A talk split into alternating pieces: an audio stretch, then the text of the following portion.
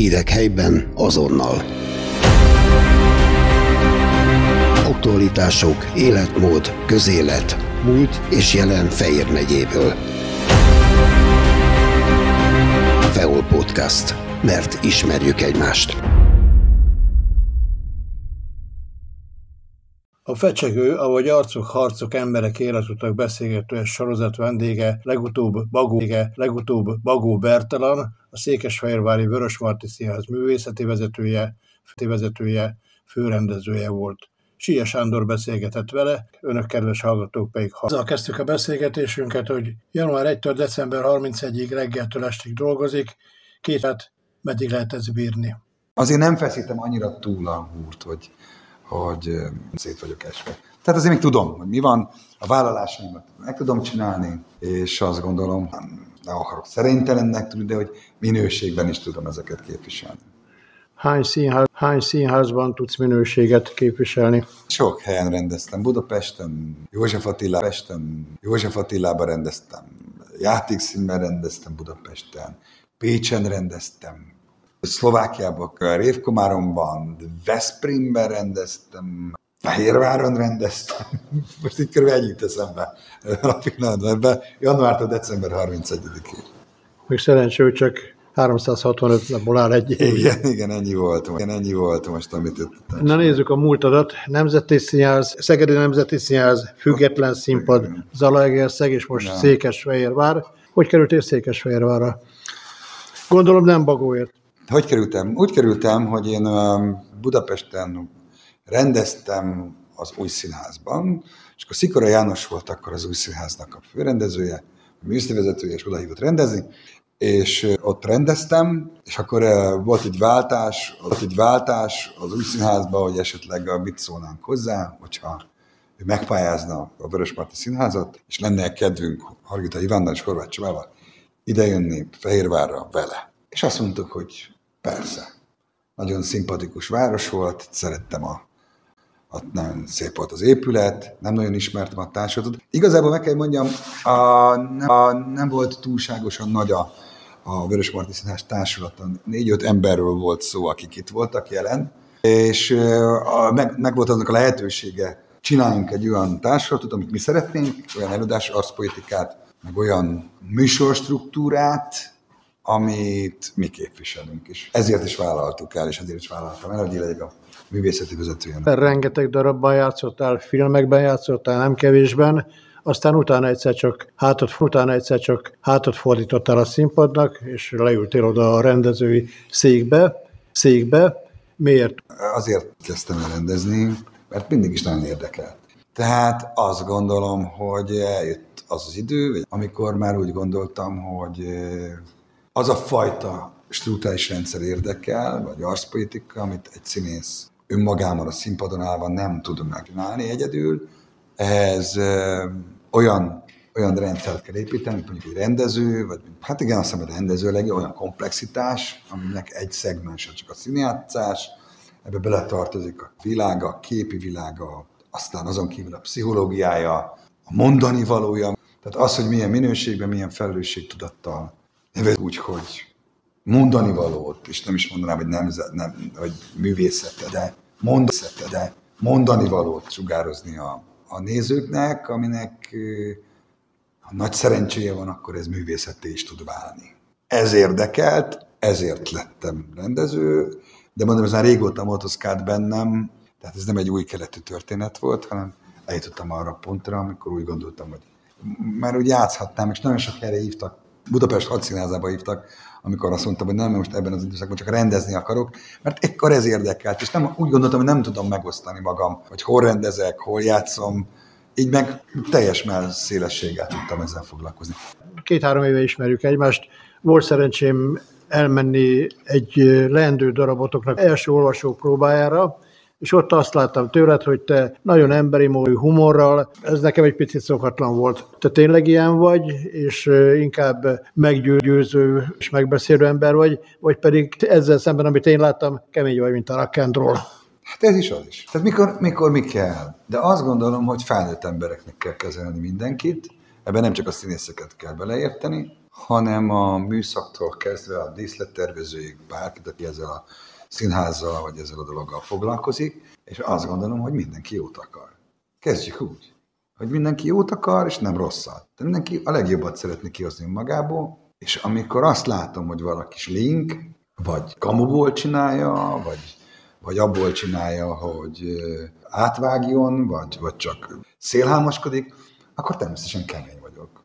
Akkor nem kemény tudok lenni, akkor kell zavarom. Épületből is, volt már olyan, de úgy kezdem mindig, mindenkinek megadom a lehetőséget, és pozitívan viszonyulok hozzá, és azt mondom, hogy miért nem, miért, miért nem, miért ne, miért ne akarnál legjobbat. Úgyhogy mindenkinek megadom a lehetőséget, főleg egy olvasópróban, akkor találkozunk először az anyaggal. Én nem, de a kvázi az olvasópor az úgy néz ki, hogy a színészek akkor olvassák fel a darabot, olvastam, már olvasták korábban is, és akkor az ember elkezd beszélni arról, hogy hogyan is gondolja ezt az előadást. De beletartozik az, hogy milyen képi világa legyen, milyen legyen a játéktechnikája, nagy színpadon játszuk-e, vagy stúdióban, és akkor ennek a, a, meg az, hogy hova megy a fuvar. Az, hogy a, hova megy a fuvar, az azt jelenti, hogy akkor miről is szól a dal. Tehát mit akarunk elmondani, és igenis akkor jó egy előadás, ha van mögöttes tartalma, még a szórakoztató, akkor is szól valamiről, magasztosabb, feljebb van, mint az primitív általános üzenet. Színészként rengeteg Shakespeare darabban, ezőként annál kevesebbet rendeztél a nagy klasszikustól, Shakespeare-től. Nagyon sokat rendeztem. Utána néztem az interneten, három darabot rendeztél, és ez szerepeltél kb. 13-ban. De... Várj, várj, meg van, többet rendeztem. Harmadik Richard, Hamlet, Julius Cézár, Lír király, ez már négy. Akkor, akkor kicsit hiányos, hiányos. Nagyon szeretem Shakespeare-t, imádom. Aki 500 éven van, és még nem felett el a világ az óriás, nem? Hát ez, nincs mit beszélni. Tolstoy azt mondta róla, hogy következetlen Shakespeare. Mai napig olyan idézetek vannak, amiket egy angol száz kultúrkörben valamilyen szinten intelligensnek vallja magát, hogy normális college-ba járt, az Shakespeare idézetekkel erősíti meg a mondani való. Normális college-ba járt, az Shakespeare idézetekkel erősíti meg a mondani való. Nálunk különben az ember tragédiát tartom ilyennek. Ami szintén hasonló mondatokat van. Szóval nekünk a, nekünk a madács ilyen, amiket citátumokat tudunk használni belőle, ugyanúgy, mint az angol század Shakespeare. Szerinted a Szerelmes Shakespeare című film ártott Shakespeare image vagy inkább használt? Én ezt rendeztem azt a darabot Győrben, és Szerelmes Shakespeare. Ezek olyan dolgok, hogy, de, hogy elkezdjük azon, mivel egy óriási figuráról van szó, ezer mítoszra van, sokan még azt mondják, hogy nem is ő írta, hanem Bacon, vagy bár, szóval minden, persze biztos ő írta. És hát kitalálnak hozzá történeteket. Az ő hátán nem egy dokumentum művet kell nézni benne, hanem egy olyan fikciót, hogy így is lehetett. Talán így is működhet egy-két dolgot. Tehát azért ott élt a, a Globe-ban, úgy kezdte az életét Shakespeare. Lovakat, ő fogta a lovakat a Globe előtt. Tehát 18 évesen amikor fölment Avonból, ő volt, aki a lovakat fogta. Tehát nem drámaírónak. És akkor ott tulajdonképpen úgy ment a, le, a langrétlán fölfelé, találkozott Christopher Marlóval, aki az, az Isten, a legnagyobb drámaíró volt akkor, nagyon fiatalon meghalt, 29 éves korában torkon szúrták, egy kalózzal verekedtek össze egy nőn. De ő volt, aki a Bluntford kitalálta, és ennek a minta is nagy barátja volt Shakespeare-nek. Igazából, amikor ő meghalt, akkor kapott nagyon nagy lehetőséget Shakespeare, és elkezdte. A legutolsó lyuk volt a furuján. és akkor innen jutott el, hogy a legnagyobb ünnepel drámaíró. És azért érdekes, miért maradt fönt? Ugye kézzel írták, ezt ne felejtsék el, nem sokszor ott akkor toll, luttollal fönt. Ugye kézzel írták, ezt ne felejtsék el, nem sokszor ott akkor toll, luttollal írták. És úgy maradt, és úgy maradt fönt a dolog, mert sokat játszották. Tehát sokat másolták. Tehát sikeres volt. Hát ez így működött, mert különben elveszett volna, nem, lett, nem maradt volna fenn a semmilyen írása. Zalaegerszeg, Székesfehérvár, ez a két helyszín, ahol művészeti vezetőként és főrendezőként igen, igen. funkcionálsz. Mi, micsoda, és a főrendezőt különbözteti meg a rendezőtől? Az, hogy a főrendező vagy művészeti vezető, az kvázi majdnem ugyanaz. Az azt jelenti, hogy a műsorpolitikával is foglalkozik, nem csak a, a darabbal. Az azt jelenti mondjuk, hogy összegyűlnek a vezetők, jelen esetben az igazgató, a műszti vezető, és elhatározzák a következő évet, hogy milyen darabokat mutatunk be, kiket hívunk meg vendégnek jutni, hogyan tempírozzuk a komolyabb vagy tartalmasabb előadásokat és a zenés műfajú előadásokat, és ennek az összessége együtt a művészet, vagy a főrendezőség, és azon belül még, hogy a, egy jó színház, vagy egy jó társulat olyan, mint egy virágos kert, kert, ahol vannak idősebb színészek, erős fák, növények, meg virágok, ezeket mind öntözni kell. Tehát ápolni kell, metszeni, mert akkor tud egységesnek lenni. Tehát ez beletartozik a pszichológia, beletartozik a jó tanár, mint egy jó gazda, olyan ember, aki ezt az egészet, mint egy jó földet műveli, mert akkor működik egy színház. És ha beletartozik tágabb környezetben, természetesen a város is, ahol dolgozunk. Oda-vissza kell áramlani a, az információnak, hogy mire van igény, meddig mehetünk el, és ott mi is adunk ajánlatokat, meddig mehetünk el, és ott mi is adunk ajánlatokat, hogy ők is keressenek olyan dolgokat, amiket talán nem, találkoztak. amiket talán nem találkoztak. És ez, ez, ez, ez a, tulajdonképpen ez a művészeti vezető, és a rendező között a különbség, mert a rendező az kvázi csak a saját darabjáért rendez, azért felelős. Említettem már, hogy jó sok darabban játszottál színészként, 30 valami, lehet, hogy 50 volt film, színház, mi micsoda a számodra? Rendeztem filmet is, és uh, meg játszottam filmekben is, elég sokban, de nem tudom megmondani, még a kedvencem, mind a kettőt szeretem. Ez olyan, mint amikor mi a kedvenc élet ételed. Nagyon-nagyon nagy hatású, vagy nagyon nagy erővel bír mondjuk film, több emberhez el tud jutni, viszont a pillanat művészete, a pillanat ereje pedig az, amikor ott élőben látjuk. Ez olyan, mint amikor az ember azt várja, hogy bemegy a színpadra, akár a néző, vagy akár a kiátszik, az aktorok, a játékszabályok, mint a jó zsonglőröknél, meg a cirkuszban, hogy dobja, elkapja, ezerszer van. Ez a most és akkor abban a pillanatban történik, ez a közönség jelenlétében, ez egy iszonyatos erős ősi mítosz, olyan, mint amikor a tábortűznél összeültek a eleink, akár az ősközösségben is, és a varázsba elkezdett mesélni. Vagy valami rituálét csinált, és ott ülték az emberek, és átélték. Ugyanilyen a színház. Ilyen ősi mítoszból van. Édesapád festőművész volt. Gyerekként milyen jövőt festett eléd? Gondolom nem kancsarul festett csúfegeket varázsolt eléd a jövőt illetően. Édesapám nem akarta, hogy én nem azt válaszok, amit akarok, azt, azt, azt mondta, tehát nem befolyásolt. Képzőművészként kezdtem az életet, úgy értem, hogy úgy gondoltam, hogy talán az leszek. Aztán nem 14 éves koromban párfordulásom volt, párfordulásom voltak, elmentem építésznek, és akkor az építész után gondoltam, mi lenne a színész lennék, és színész lennék, és így keveredtem ide. Annyiból volt hasznom, hogy egy apám képzőművész volt, én egy műteremben nőttem fel. Gyerekkoromban festettem, rajzoltam, tehát számomra mindennapos volt a képzőművészettel volt találkozás, nem csak azt jelenti, hogy a műteremben, hanem nagyon sokat jártunk együtt. Kiállításokat láttam. Tehát úgy nőttem fel, mint mások, nem tudom, tehát ez nekem nagyon nagy előny volt az életemben. Nem bánod, hogy nem lettél képzőművész? Néha bánom. De Festeni gondolom, vagy szobrászkodni igen, akartál volna inkább? Festeni jobban szerettem, mint szobrászkodni, bár a fene tudja.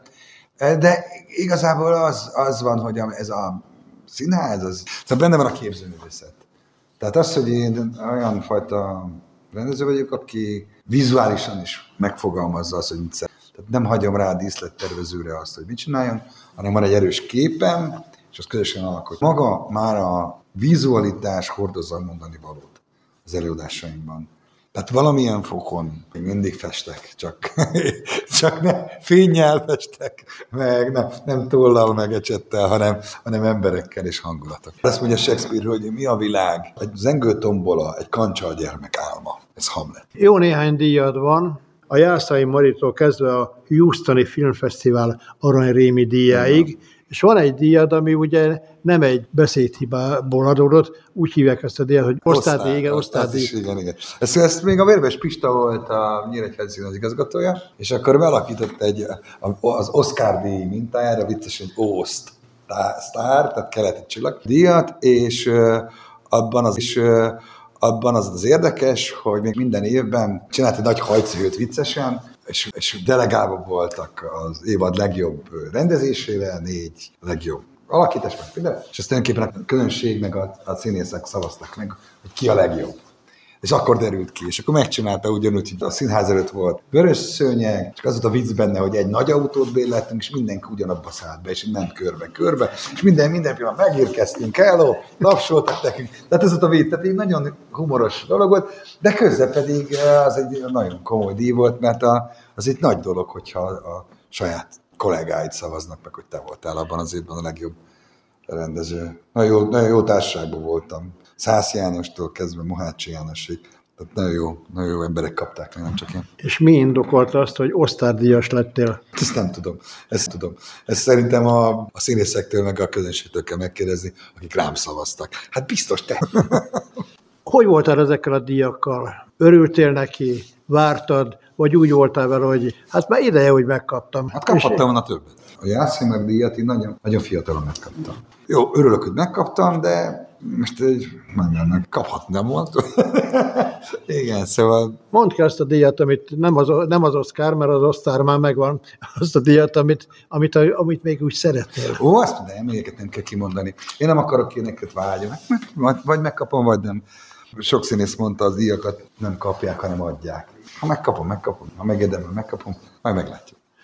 Most a következő percekben a népszava következik, tehát Na. a népet idézem. A modern színház úgy tűnik, hogy attól is válik modernikus szavakat mondják, és mai öltözetbe mutatják magukat.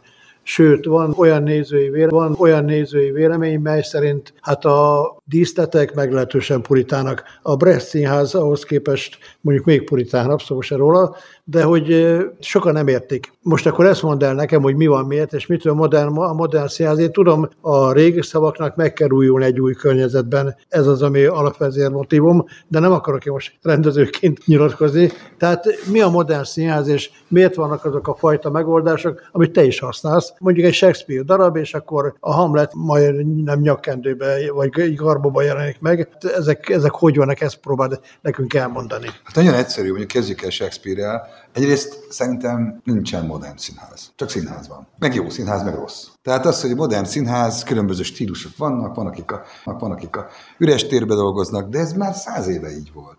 Tehát az, most azokat az elemeket, amikről beszélünk, ezeket már száz éve, amikor elkezdték a, hogy a Dionysos mintájára a gecskéjének alapján, üres térbe három ember beszél. Nem volt semmi díszlet. Tehát ez később alakult össze. Aztán hol volt díszlet, hol nem. Én szerintem nincs modern színház, csak jó színház, meg rossz van, de válaszolva Shakespeare.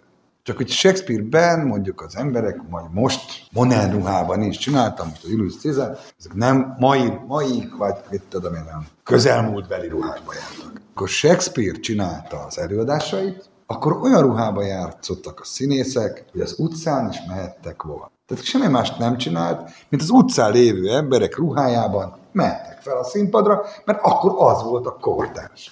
És tulajdonképpen ilyenkor, most az én részemről, többi rendezőben nem tudok mellászolni, én csak azt akarom hangsúlyozni, mint ahogy Shakespeare. Amikor meglátták a Rómeus Júliát, játszották, akkor úgy néztek ki, ahogy néztek ki, ahogy az utcán egy fiatal ember ment, és szerelmes lett egy nőbe, és az úgy nézett ki, mint bárki az utcán. Sőt, Shakespeare, Anglia, az egész angol színjátsz, az korábban ne tojta, nem érdekelte, amikor görögöket játszottak, Attini Timont, vagy bármit, hogy hogyan, milyen ruhába jártak a görögök. Ők olyan ruhába játszották Shakespeare-t, ahogy ők képzelték. Nem akartak azzal foglalkozni, milyen volt a görög ruh. Tehát ezért mondom, ezek, ezek, ezek, ez nagyon fontos hangsúlyozok. Amikor a Shakespeare-t játszották, az is kortárs volt valamikor. Na most vannak kortárs, magyar, meg külföldi, meg különböző világirodalmi darabok amik ugyanúgy, ahogy Shakespeare-nél, vagy Molière, azok a kornak megfelelő problémákat feszegették, és olyan ruhába jártak, ahogy jártak, ahogy a kornak megfelelően járkáltak. Tehát Molière úrhatná a polgárjában, a polgárjában, látták tartifében,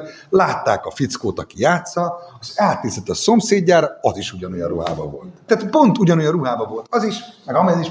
Tehát éppen ez a lényeg, hogy, hogy ő közelebb hozta a valósághoz ezeket a dolgokat.